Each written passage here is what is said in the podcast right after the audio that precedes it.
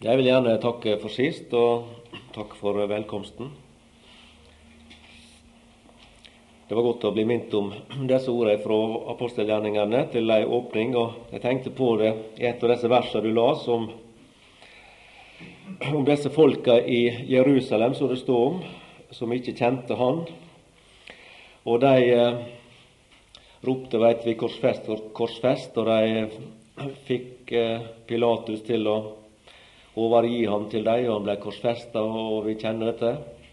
Og når de liksom hadde gjort det som eh, de mente var nok for endelig å være kvitt den Herre Jesus, så står det her, som vi las, at så la de ham i en grav. Og eh, tenkte vel at nå, nå var de ferdig med han. Og så står det så triumferende Men Gud oppvakte ham fra de døde. Gud er jo opptatt med å oppreise. Han er ikke opptatt med å, å døde, med å slå i hjel. Gud han vil ingen synders død, men han vil at alle skal omvende seg og leve, sier han Peter. Og slik er han i dag også. Han søker synderen for om mulig å få frelse. Gud oppvakte Kristus. Mennesker de la han i ei grav, men Gud oppreiste ham. Og det ble vår redning.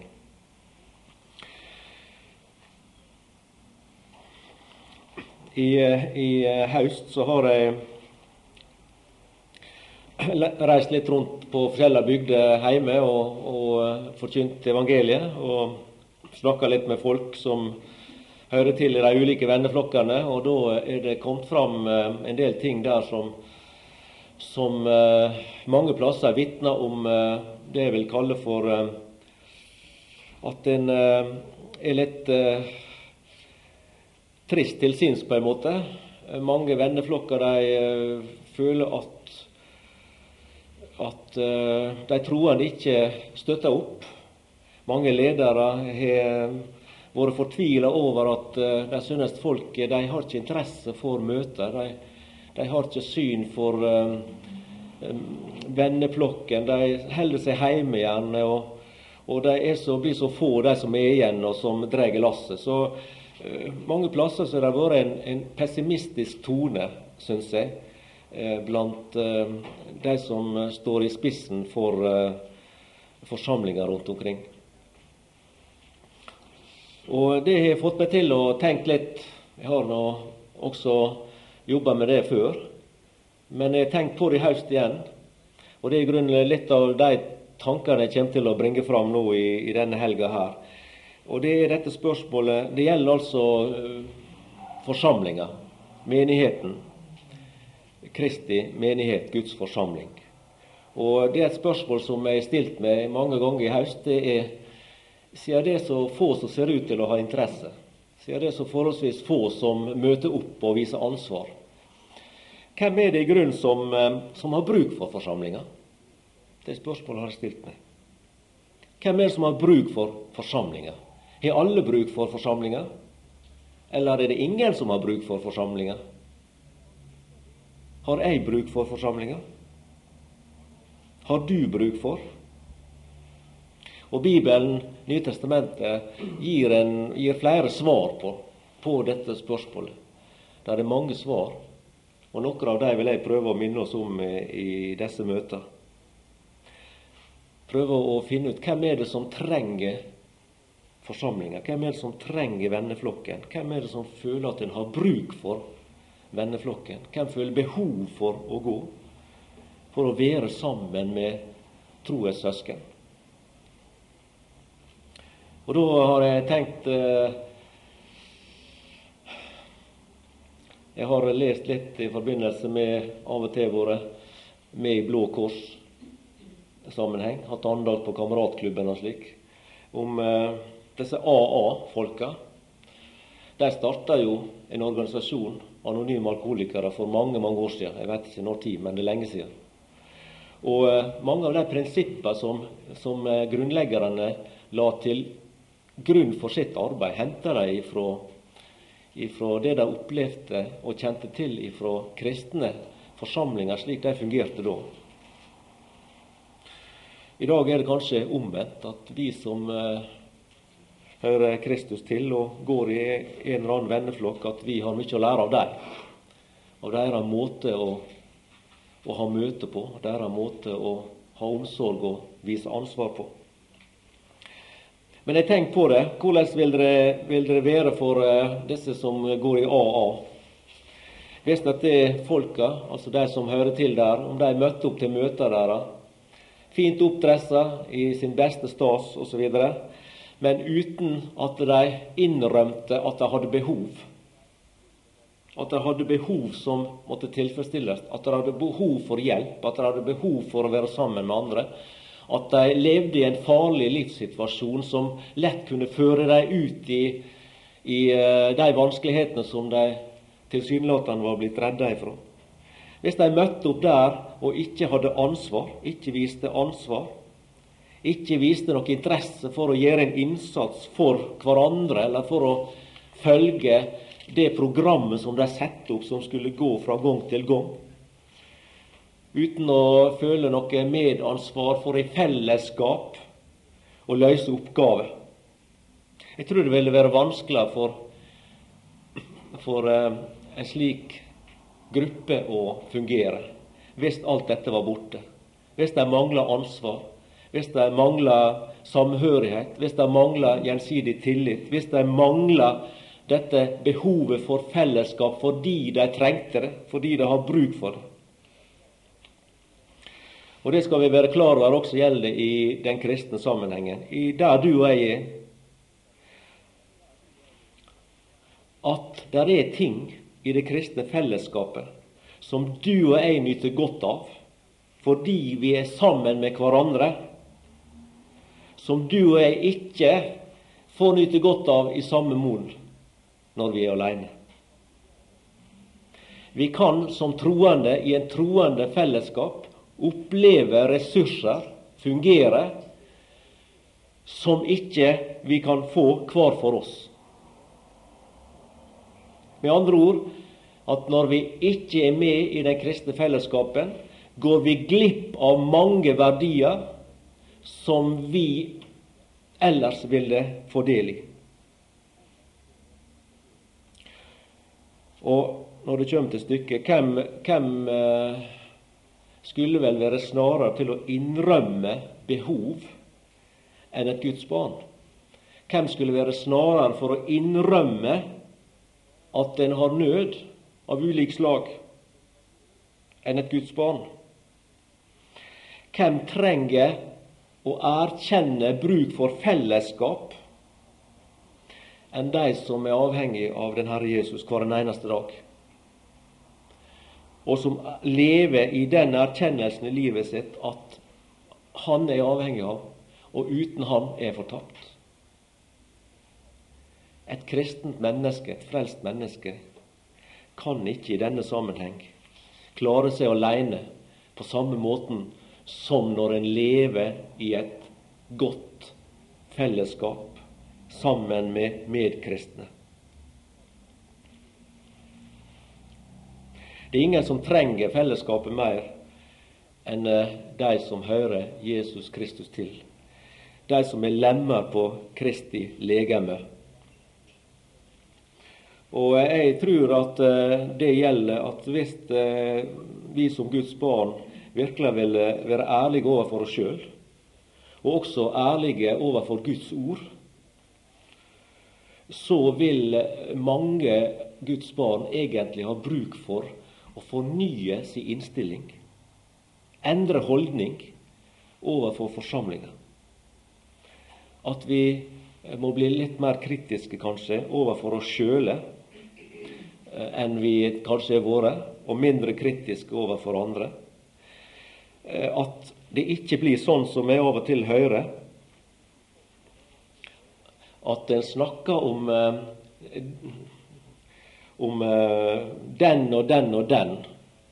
For ta bare hjemme hos oss, da, hvis vi tar den sammenhengen. Der vi, i, der vi er ei forsamling med et styre og formann og nestformann og slik. Så er det veldig lett ikke sant, å sitte, hvis en ikke er enig om alle ting, og så kan en kritisere formann, så kan en kritisere styret, og så kan en snakke om ja, de gjør det slik, og de gjør det sånn, mens jeg mener det, og, og sånn. I stedet for å se at en er en del av den samme en er en del av den samme flokken sjøl. Slik at i stedet for å snakke om deg og han og ho, så burde vi snakke om forsamlinga og bruke ordet oss og vi. Det er oss det gjelder. Det er vi det gjelder. At forsamlinga er ikke deg, han og hun, men forsamlinga, det er oss. Fordi at det, forsamlinga er jo en del av den store forsamling, for å si det slik.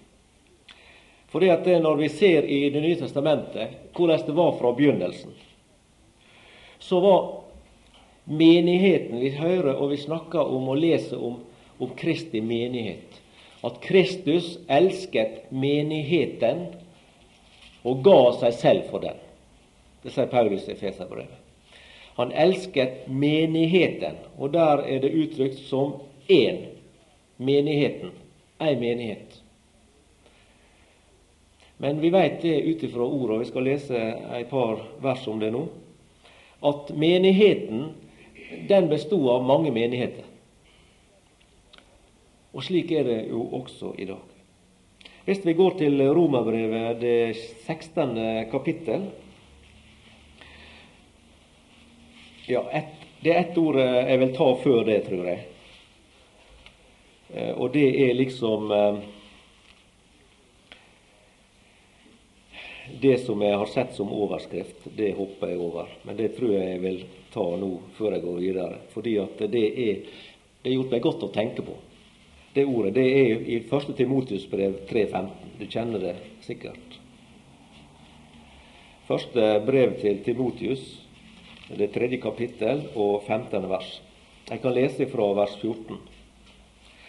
Dette skriver jeg til deg, skjønt jeg håper snart å komme til deg. Men om jeg venter med å komme, at du da kan vite hvorledes en bør ferdes i Guds hus, som er den levende Guds menighet, sannhetens støtte og grunnvoll. Og Jeg syns eh, den svenske utgaven av det verset er, veldig fint, selv om det sier jo det samme. da. Men der står det eh, om Guds hus den levende Gudens forsamling. Den levende Gudens forsamling. Og det syns jeg for min del har vært veldig rikt for meg å tenke på i høst. Jeg er med i Guds forsamling. Jeg er med i en sammenheng. Så det er ikke bare Guds forsamling jeg er en del av, men den levende Gudens forsamling. Tenk alle de millioner av mennesker, ja, tenk på de milliarder av mennesker som lever sitt liv i sin religion og lever i tru på en død Gud. Lever i tru på en Gud som er en avgud. En Gud som har øre, men ikke hører. En Gud som har øyne, men ikke ser. En Gud som har munn, men ikke kan tale. En Gud som det ikke er hjelp i å tru på. Det er millioner ja, flere milliard mennesker som lever i en sånn livssituasjon. Og så lever jeg her i Norge, i mitt enkle, hverdagslige liv, under den velsignelse å høre den levende Guden til. Det er bare én Gud som er den levende Guden. Og så får jeg være i Hans forsamling, den levende Gudens forsamling. Det har vært veldig rikt for meg å tenke på. Jeg hører ikke en Gud død til. Jeg hører ikke en død religion til. Jeg hører den levende Gud til, og jeg er med i Hans forsamling. Og så har det slått meg når jeg tenker på det, at når det, når det er ikke menneskers, det er ikke menneskers forsamling. Det er, liksom, det, er, det er ikke vår forsamling i den forstand. Det er Guds forsamling. Og Da har jeg tenkt den tanken av og til når jeg leser i avis og hører i media hva som skjer rundt omkring i såkalte kristenheten altså den kristne delen av Norge, kristenfolket som det gjerne heter, i kirke og i organisasjoner og sånn, eh, så har jeg tenkt den tanken Ja, men når det er Guds forsamling, hvem burde da få bestemme? Er ikke det Gud som burde bestemme når det er hans forsamling? Jo, det det. Men vi ser stadig vekk at det er flere og flere av de som gir seg ut for å være hyrder i menigheten, som distanserer seg fra Guds ordet, og så bestemmer de ting ut fra sitt eget hjerte og egen tanke og eget intellekt, på tvers av kanskje det som Gud har bestemt skal gjelde ut fra sitt ord. Men jeg er med i den levende Gudens forsamling, og det er jeg glad for. Det er et under at det skulle skje.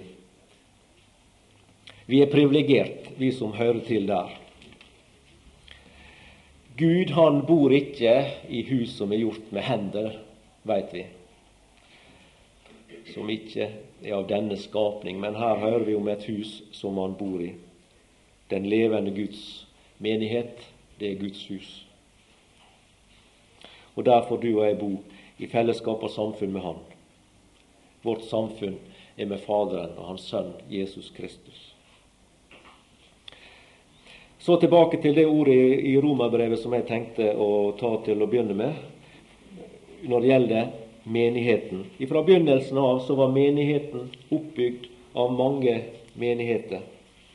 Og Der står det slik i kapittel 16, vers 3 og 4. Hils Priska og Akvilas, mine medarbeidere i Kristus Jesus, de som har våget sitt eget liv for mitt, og som ikke alene jeg takker, men også alle menigheter av hedningen. Alle menigheter av hedningene. Det var mange menigheter. Av hedninger var også menigheter som bestod av frelste jøder. Og Vi kan også lese i vers 16 Hils hverandre med et hellig kyss. Alle Kristi menigheter hilser eder.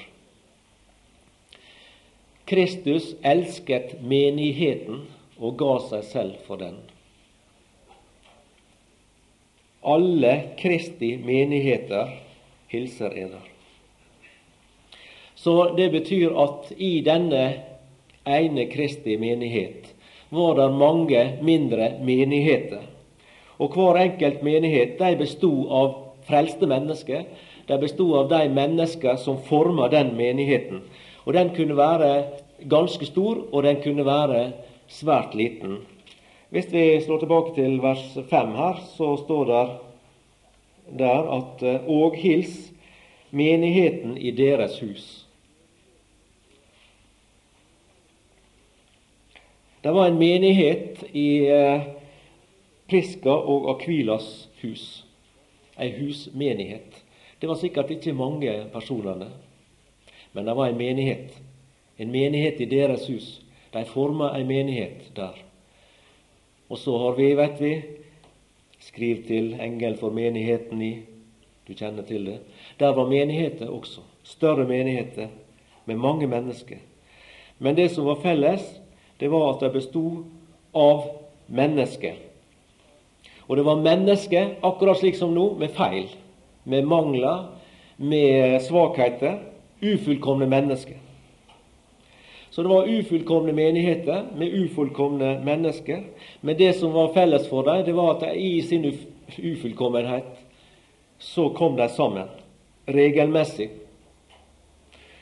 for å ha samfunn med hverandre for å dele fellesskap med hverandre og med den Herre Jesus Kristus. Det finner vi uttrykt mellom bl.a. i 1. Korinterbrev, det tolvte kapittel.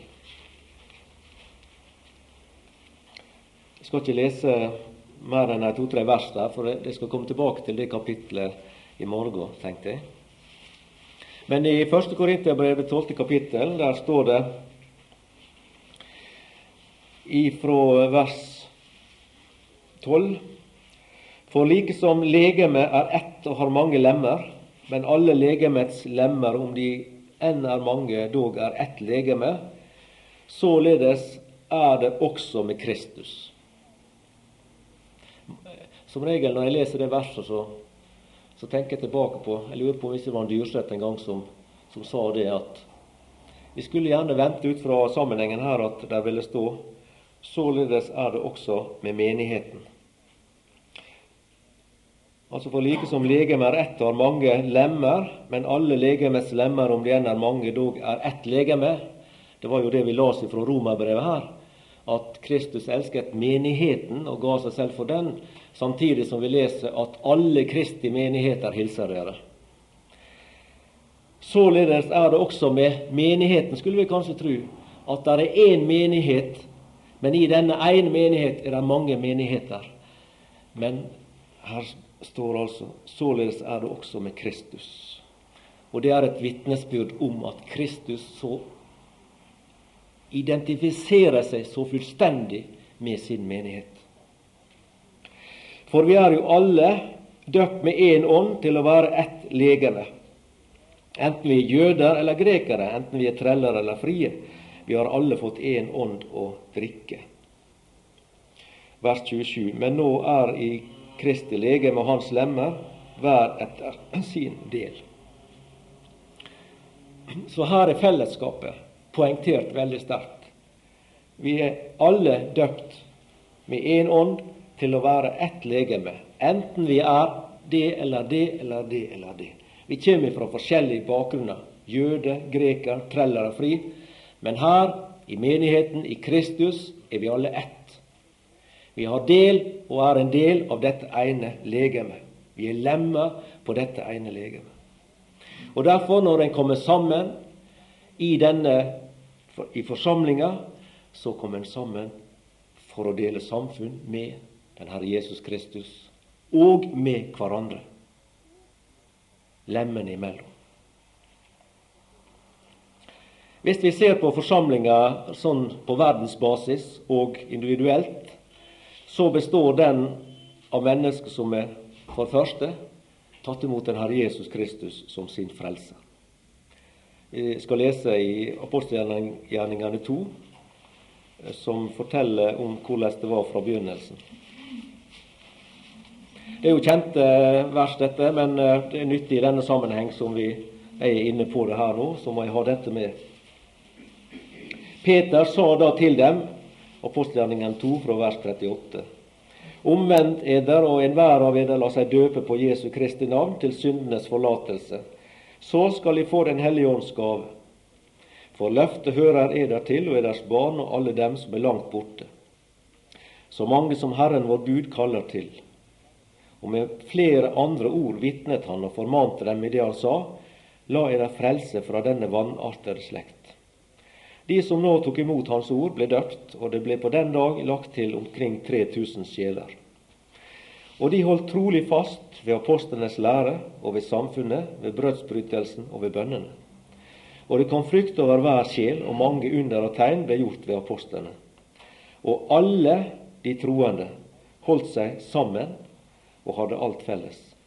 Og sine eiendeler og sitt gods solgte de og delte det ut til alle ettersom noen hadde trang til. Og idet de samdrektig hver dag stadig søkte tempelet og brøt brødet hjemme, nøt de sin mat med fryd og hjertets enfold, idet de lovet Gud og hadde yndest hos hele folket. Og Herren la hver dag dem som lot seg frelse, til menigheten. Altså, hver dag så ble det folk frelst. Og hvert menneske som ble frelst, blei lagt til menigheten. Det er mange av de som skriver fortolkninger ifra apostelgjerningene og skriver om eh, den første kristne tid. De skriver mange at i den første kristne tid så blei alle frelste mennesker identifiserte med forsamlinga. Du var ikke liksom kristen også sto utafor. Var du frelst, så var du også i forsamlinga. Herren la hver dag den som lot seg frelse, til forsamlinga. Alle som vi las her, alle de troende, etter hvert som det kom nye troende, alle de troende holdt seg sammen og hadde alt felles. Så i den første kristne tid så var forsamlinga dette fellesskapet av frelste mennesker. Og eh, var du frelst, så hører du samtidig til forsamlinger. Der, der var ikke skille mellom disse to tingene. Det har jo endra seg, veit vi. Men her, de som lot seg frelse, det var liksom inngangen i forsamlinga, den som lot seg frelse. Og en annen ting som var felles for dem, det var at de, har, de fikk Den hellige ånd, og at de ble et lem på Kristi legeme, slik som vi las her i Korinterbrevet, det tolvte kapittel, vers 13. Vi, ble, vi, er jo alle døpt med én ånd til å være ett legeme. Og vi har fått, alle fått én ånd å drikke. Og Efeserbrevet også forteller jo det, at vi har fått Den hellige ånd som pant og innsegl. Det skjedde når vi ble frelst. Og det tredje jeg vil nevne, det er at et menneske som hører til forsamlinga, er frelst, har fått Den hellige ånds gave, og et lem på Kristi legeme, og har fått sitt navn i livsens bok. Det har vi et uttrykk på i Hebreabrevet, det tolvte kapittel. Der eh, det står om at eh, vi ikke kom til et fjell som en kan ta på med hender osv. Men i vers 22 eh, står det:" Men jeg er kommet til Sions berg og den levende Guds stad, det himmelske Jerusalem, og til englenes mange tusener, til høytidsgarden og menigheten av de førstefødte som er oppskrevet i himmelen. Menigheten av de førstefødte som er oppskrevet i himmelen. Et menneske som blir frelst, han får sitt navn i livsens bok. Han blir oppskrevet i himlene i menigheten av de førstefødtes medlemsbok, for å si det på den måten. Vi er oppskrevet i himlene. Så du og jeg som hører den Herre Jesus til, vi har, som også Jesus sa den gang til sine, at eh, Gled ikke dere over at ånden er dere lydige, men at navnet deres står skrevet i livsens bok. Der blir vi skrevet inn når vi blir frelst. Når vi blir født på ny, når vi blir et Guds barn, da skriver Gud oss inn. Ingen andre enn Gud kan skrive oss inn i livsens bok. Og det er felles, enten vi lever i Norge eller vi lever i Asia eller Afrika som kristne, vi hører med i denne, dette fellesskapet. Vi hører med i, i Guds forsamling. Samme hva slags hudfarge vi har, samme hva slags bakgrunn vi har, så har vi dette felles.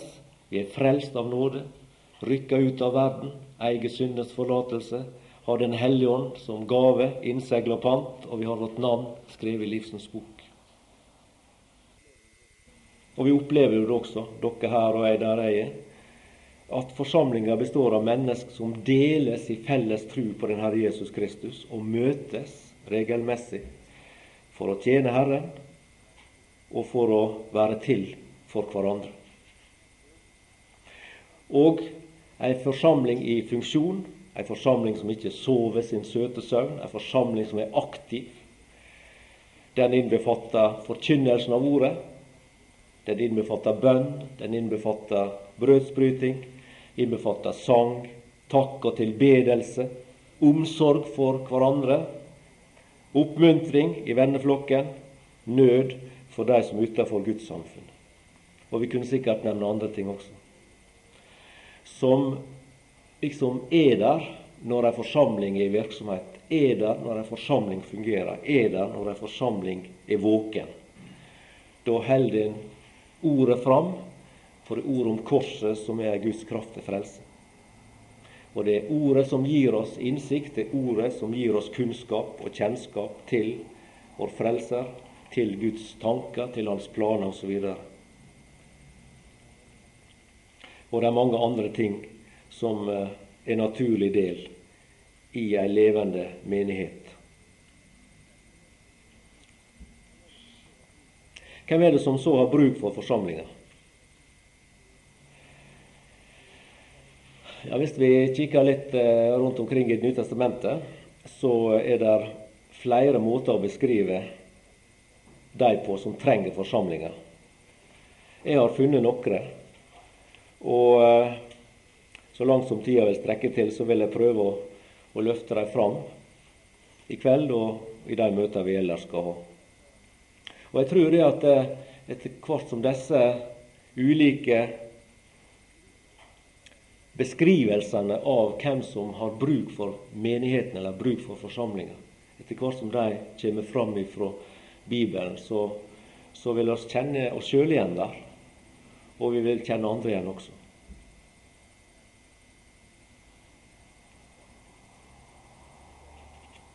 Det første jeg vil minne om der, det er det som jeg vil kalle for de sønderknuste mennesker. De sønderbrutte mennesker. Det er et uttrykk fra en av salmene i Det gamle testamentet. Et sønderknust menneske, et sønderbrutt menneske, det er et menneske som har nådd enden på seg sjøl. Som er kommet til slutten på sine egne ressurser. Som veit at i forhold til Gud så er jeg fortapt. Jeg har ingenting å stille opp. Er en synder. Jeg ligner så altfor mye på, på han eh, som sto der i tempelet sammen med den rettferdige, denne synderen, tolleren, som kom så vidt innom der og slo sine øyne ned, og som sa stille og oppriktig Gud vær meg synder nådig. Han var kom til slutten på seg sjøl. Han sto ikke fram og løfta fram egne gjerninger. Han sto ikke og løfta fram sin egen fortreffelighet. Han sto ikke fram og forsvarte seg for Gud at han var så mye bedre enn alle andre og hadde så mange ressurser å, å stille opp som Gud vel måtte se på med velbehag. Nei, han sto ved enden av seg sjøl og så seg fortapt. Jeg var fortapt og så ingen vei. Da er du kommet til enden. Da er ikke det mer. Da er du blitt en av disse som Paulus beskriver som de som ingenting var. Og når en føler seg slik overfor Gud, da er en et sønderbrutt menneske. Et menneske som er i stand til å innrømme sine behov, erkjenne sine svakheter, erkjenne sin sårbarhet, erkjenne at det er mange farer som lurer, også på, som et Guds barn så er det mange farer som lurer på oss som Guds barn. Skal komme litt tilbake til det. Som kanskje vi ikke tenker så mye over. Men de mennesker som lever i denne erkjennelsen, også blant Guds barn, som erkjenner innenfor Gud at sjøl som et Guds barn, så erkjenner jeg at i meg sjøl er jeg ingenting.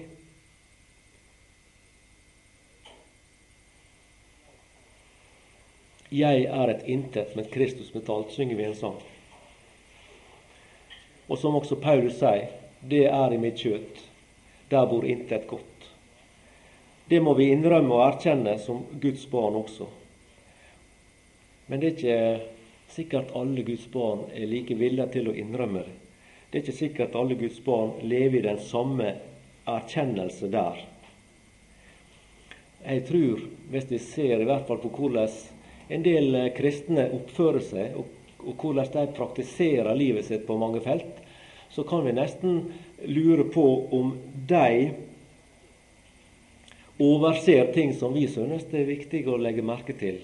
Eller at uh, vi er forsiktige, eller som er forsiktige der og der og der, og der, og andre der ser ut til ikke å se disse farene i det hele tatt.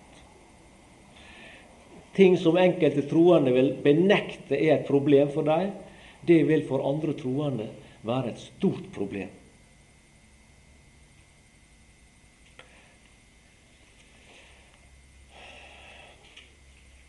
Jeg liker å se Gud av og til i dette bildet av eh, når vi ser Vi har jo sett disse her eh, raftingsfolka ned gjennom sjoer og andre vassdrag. Og eh, det går i vill fart, og der er mange lumske eh, saker underveis. Og av og til så tenker jeg at et, en troendes liv i verden er i grunnen en sånn reis som er full av farer, full av, eh, full av steiner i veien, full av stup, full av fosser, full av avgrunner, nærmest. Og vi har ikke reist denne veien før. Slik at alle ting som møter oss, møter oss på en måte for første gang. Men så tenker vi liksom at uh, den Herre Jesus, han uh, sitter på et høgdedrag der og har liksom oversikten over hele elvers løp fra start til, til mål. Og han kjenner alle disse tingene, og han veit alt utmerket godt. Og så er han evne til å verne oss ifra fare og bevare oss fra fall. Fordi han ser denne veien. Han sier det jo også i, i, i Hebreabrevet hvis bare vi er villige til å, å komme til Han og eh, be om nåde til hjelp i rette tid. Så er Han der med nåde til hjelp i rette tid. Og heldigvis for oss så er han der eh, gjerne også enda vi ikke ber om det. For han Paulus han innrømmer det, slik som vi har opplevd så mange ganger, at eh, vi er ikke i stand til å fatte egentlig hva vi trenger å be om. Men så er det en som ber for oss i vår plass. Og slik er dette livet også, at tror hvis vi hadde sett livet, gudslivet vårt, og sett de farer som truer, og de ting som omgir oss i den åndelige verden, så vil vi se og erkjenne og innrømme at det er mye større fare enn hva vi egentlig aner. At det er mulighet for mange slags åndelige kriser eh, for oss som hører Gud til. Og at hvis vi har kunnskap om dem, kjennskap til dem, så har vi også mulighet for å kunne unngå dem. Og Til slutt i kveld så vil jeg dra fram eh, noen av dem ut ifra Hebreabrevet, det tredje kapittel.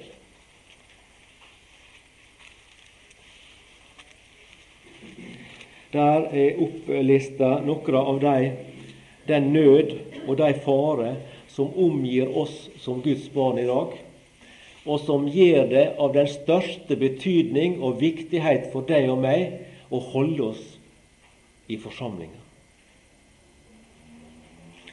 At fordi disse farene eksisterer, og fordi denne nøden er der, og kan bli en nød for oss også, så trenger vi det kristne fellesskapet. Jeg skal lese først fra vers 12. Eh, Se til, brødre, at det ikke i noen av eder er et ondt, vantro hjerte, så han faller fra den levende Gud. Men forman hverandre hver dag, så lenge det heter i dag, for at ikke noen av eder skal forherdes ved syndens svik. For vi har fått del med Kristus, så fremt vi holder vår første fulle visshet fast til enden.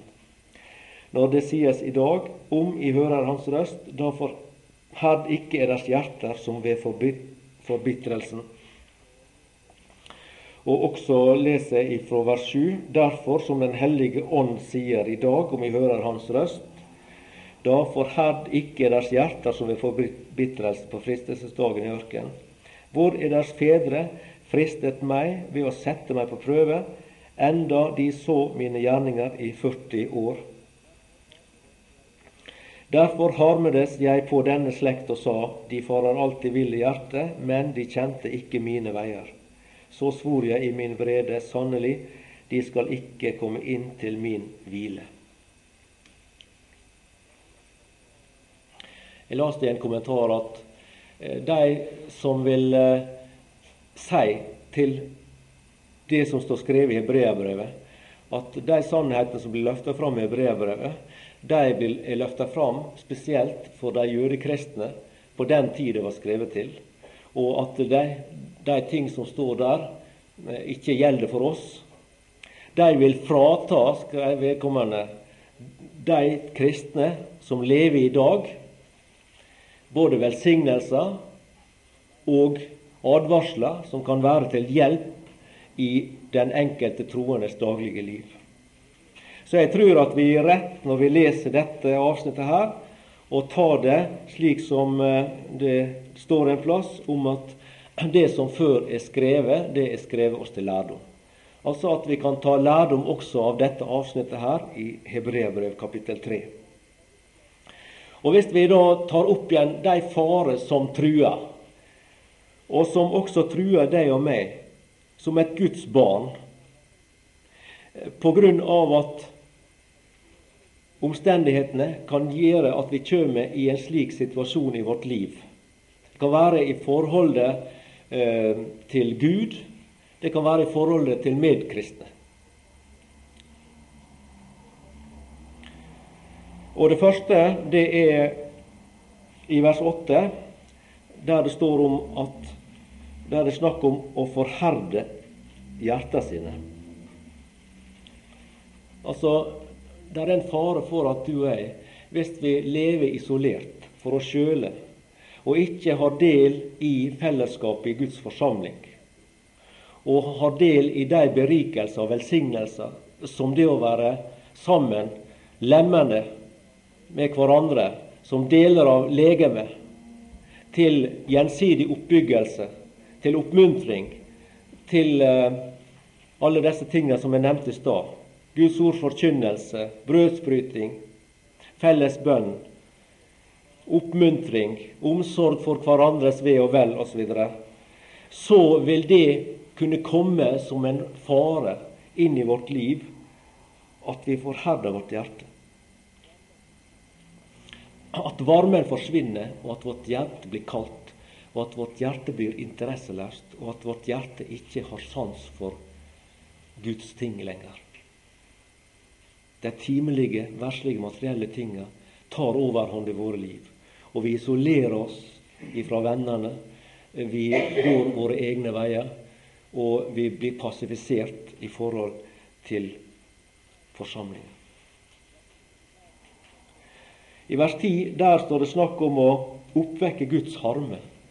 Vi kjenner til det ut ifra det vi har Eh, kunnskap om i Guds ord. Når det gjelder Guds løfte, så vet vi at en del av Guds løfte de er knytta til betingelser. Andre Guds løfte er gitt betingelsesløst. Uavhengig av deg og meg, så oppfyller Gud sine betingelsesløse løfter. Andre løfter Gud er gitt, de er knytta til betingelser eller til forutsetninger som må være til stades. Og eh, det er jo klart for alle og enhver at Gud han ikke velsigner det som han forbanner, for å si det på den måten. Det blir jo sagt ganske dramatisk, syns jeg, i Galaterbrevet at uh, Gud han lar seg ikke spotte. Det som et menneske sår, det skal han også hauste. Der ligger ei lov, også i åndens verden. Det en sår, skal en hauste. Sår en av kjøtet, så høster en fordervelse av kjøtet. Og sår en i ånden, så høster en velsignelse i ånden. Så det går an for et Guds barn å leve på en slik måte at vi ikke lever under Guds velsignelse, for å si det på den måten. Gud kan ikke velsigne vårt liv når vi lever på tvers av Hans ord, på tvers av Hans formaninger, på tvers av det som Han sier vi bør leve for å leve et godt liv med Gud. Vers 10 tar også opp et annet tema som er en fare for oss, og det er å farville hjertet. De farer alltid vill i hjertet. Og det går an for oss som et Guds barn også, at vi farer vill i hjertet. At vi eh, legger Guds ord til side. At vi gir oss opp våre egne meninger. Og jeg husker, Det kommer jeg på hver gang når jeg snakker om disse tingene her. For noen år siden så hører jeg om en samtale som hadde foregått i en heim mellom troende. Og det var forskjellige ting som var på, oppe på tapetet der. Og så ble det for, um, samtalt om det ut ifra Guds ord. Og så kom det opp et eller annet, så var det en som sa, kom med et utsagn som andre de ble helt forstøkt over. Og så sa den ene ja, men det står jo i Guds ord Paulus sier jo i Og så la oss vedkommende opp og slo opp da, hva det sto, og, og las det. Og det var da helt tvert imot det som vedkommende hadde sagt, var hans eller hennes mening. Og da svarte vedkommende ja, jeg vet det, at det står i Bibelen. Men jeg mener nå og så holdt vedkommende på sin mening. På tross av kunnskap eh, om eh, ordet. Så valgte vedkommende å la ordet ligge og la si mening stå. Det vil jeg kalle å fare vill i hjertet. For da hører en på, lytter en på sin egen falne natur. Da er det det som bestemmer, som former ideene, som skaper eh, konklusjonene osv. I stedet for at vi skal bøye oss for Guds ord, og heller gjøre og følge Paulus et eksempel der han snakker om å ta enhver tanke til fange i lydighet mot Kristus. Og vers 11, der står det om eh, å miste, snakk om å miste Guds velsignelse. Sannelig, de skal ikke komme inn til min hvile. Det var vi inne på i stad ut fra Galaterbrevet også. At det, når en sår i kjøtt, så høster ikke en velsignelse i Gud. En kan tvert imot, ved å leve et slurvete kristenliv, ved å være likegyldig, og ved å leve i motsetning til Guds livsprinsipp, så kan en miste Guds velsignelse i livet sitt. En mister ikke gudslivet, men en mister velsignelse. En mister det, det, det fortrolige samfunnet med Herren. Og så kommer det avstand imellom.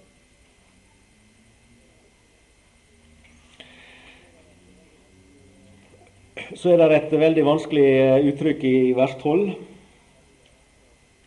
Der står om å falle fra den levende Gud.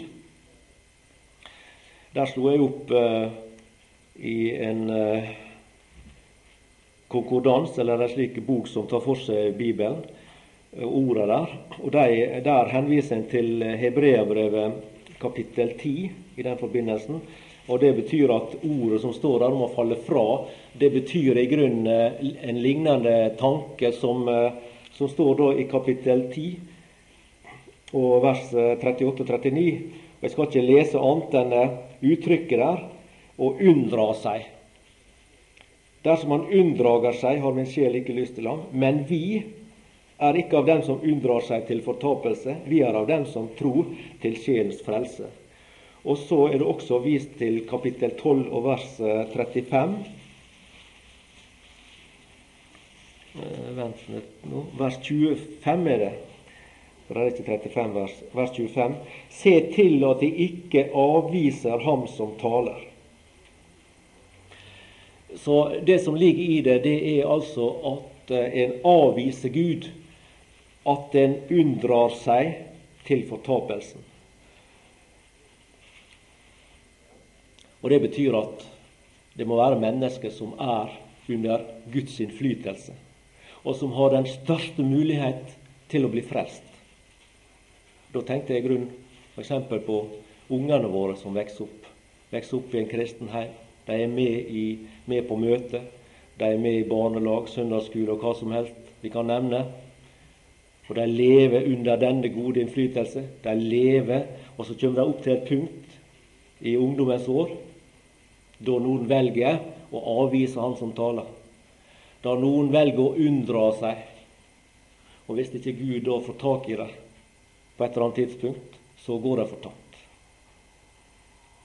Ingen går fortapt som er frelst. Det må vi kunne slå fast. De som er frelst, de blir frelst, evig frelst.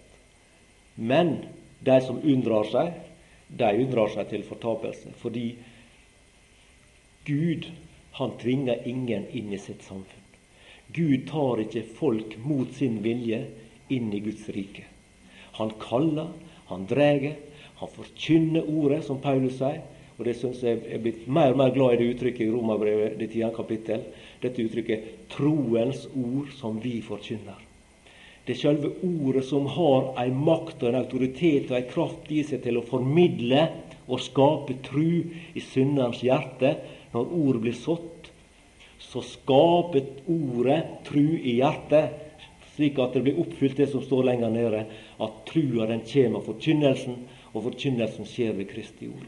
Og Derfor så reiste han rundt, ikke forkynte seg sjøl eller alle verdens uh, saker og ting, men det var én ting han reiste rundt og forkynte, det var troens ord. Evangeliet, som var ei kraft til frelse. Og Derfor kan vi også med frimodighet løfte fram det samme ord i dag. For det har den samme kraft i seg i dag. Det er det samme troens ord i dag som virker også på synderen. Bare det får en sjanse, bare det får komme inn i tanke, inn i hjertet, så skaper det tru i sin egen kraft. Det har sin egen dynamikk, dette ordet. Evangeliet, som er en Guds dynamitt, som det står, til frelse for hver den som tror. Men den som avviser han som taler, den som snur ryggen til evangeliet, og som ikke vil ha noe med Kristus å gjøre, den som unndrar seg, trekker seg vekk ifra Guds kall, den unndrar seg til fortapelse. Det er det som blir slutten for et slikt menneske.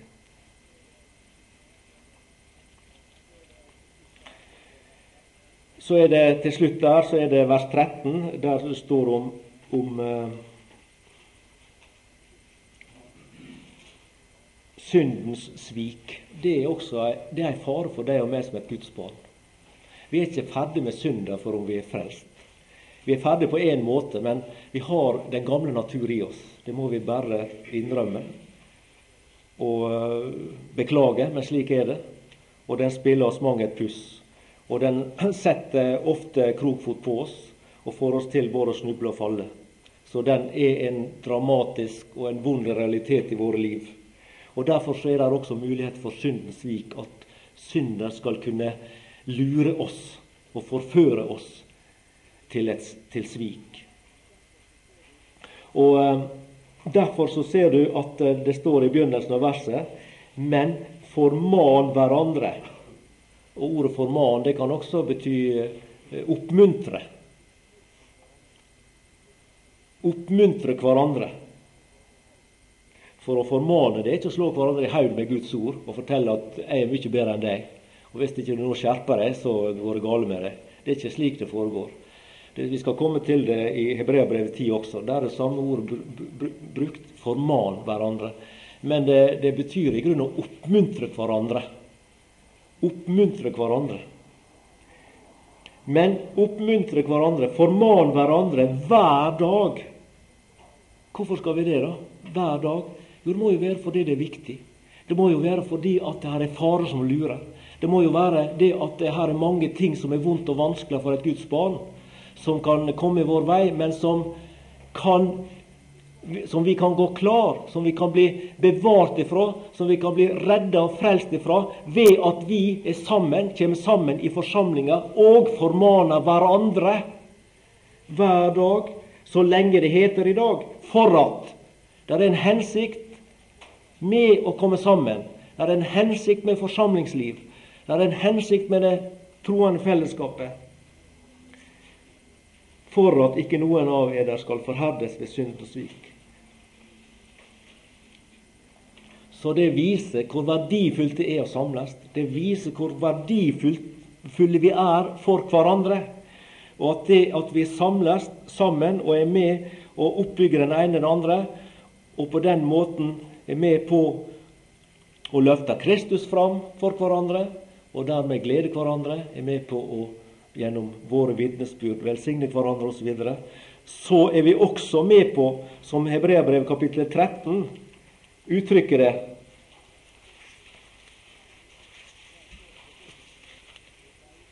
Der står det i forbindelse med, med veiledere osv. Eh, men jeg tror vi på en måte er hverandre sine veiledere så langt eh, hver enkelt av oss har fått eh, sett litt i Guds ord som vi vitner for hverandre. Så står det f.eks. i vers 7 Kom i hu eders veiledere som har talt Guds ord til dere. Gi akt på utgangen av deres ferd, og etterfølg så deres tro. Og vers 17. Lyd deres veiledere, og rett dere etter dem. Og Så kommer det ordet som i grunnen er viktig her for de våker over eders sjeler.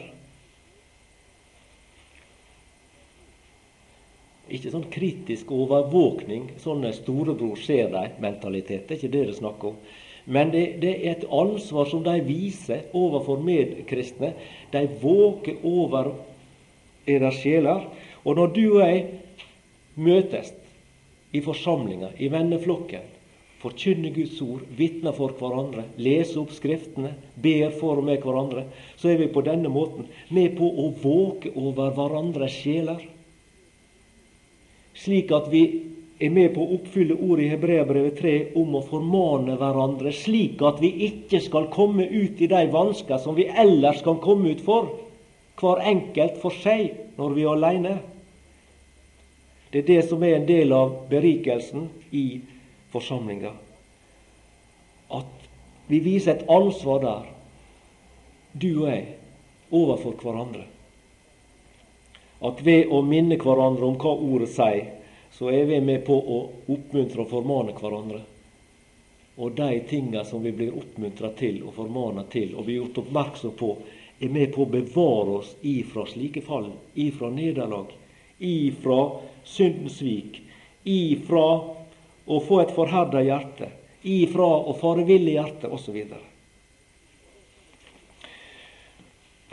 Og da skal vi til slutt gå til kapittel 10 i eh, Hebreabrevet, vers 23-25. Eh, La oss holde uryggelig fast ved bekjennelsen av vårt håp, for Han er trofast, som ga løftet.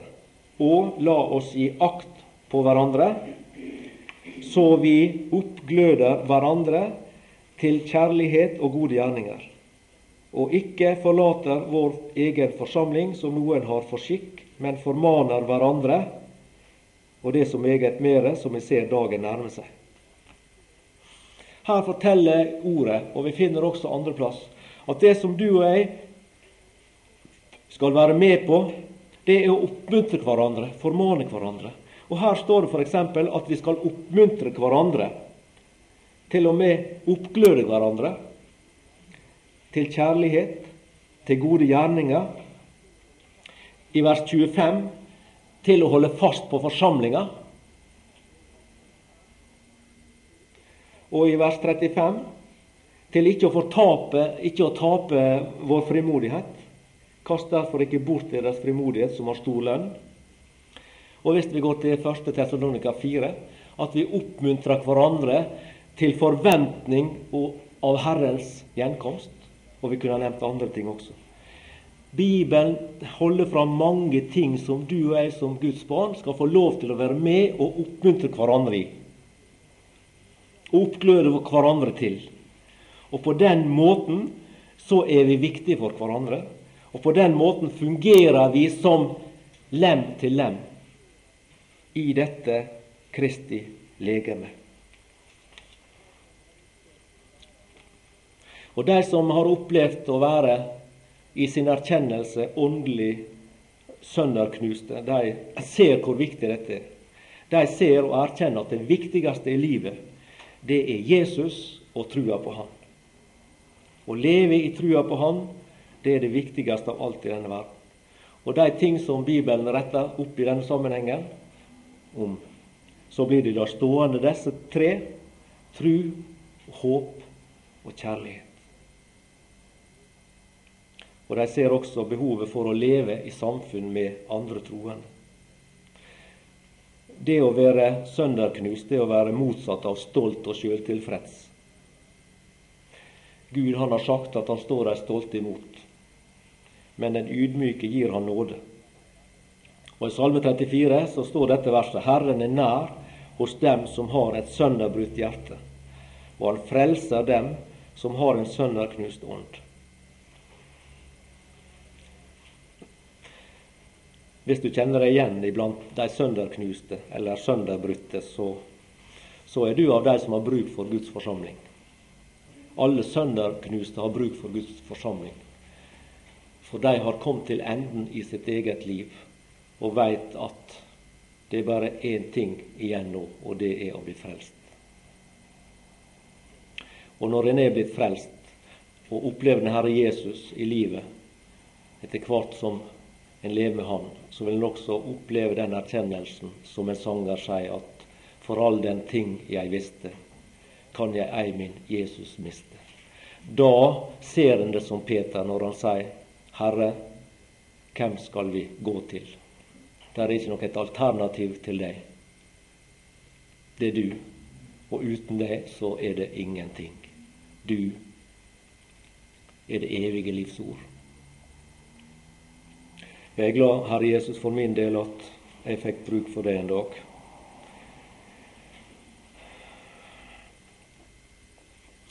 Jeg så ikke det så klart, Herre, men jeg er glad for at du så det veldig klart.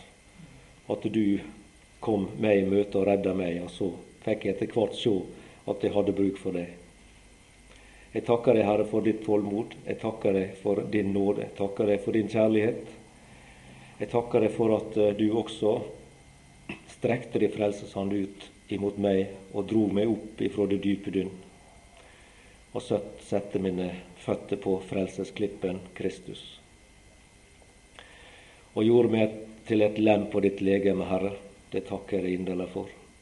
Og jeg takker deg for at jeg også er en del av din forsamling på jord. Guds hus, den levende Gudens forsamling.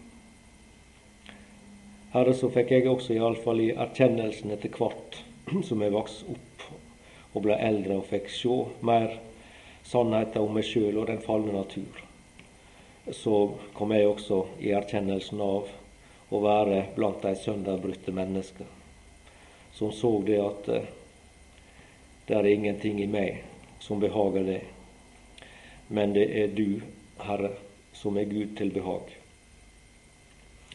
Og så får jeg flytte inn i det du gjorde for meg, Herre Jesus. Det takker jeg deg for.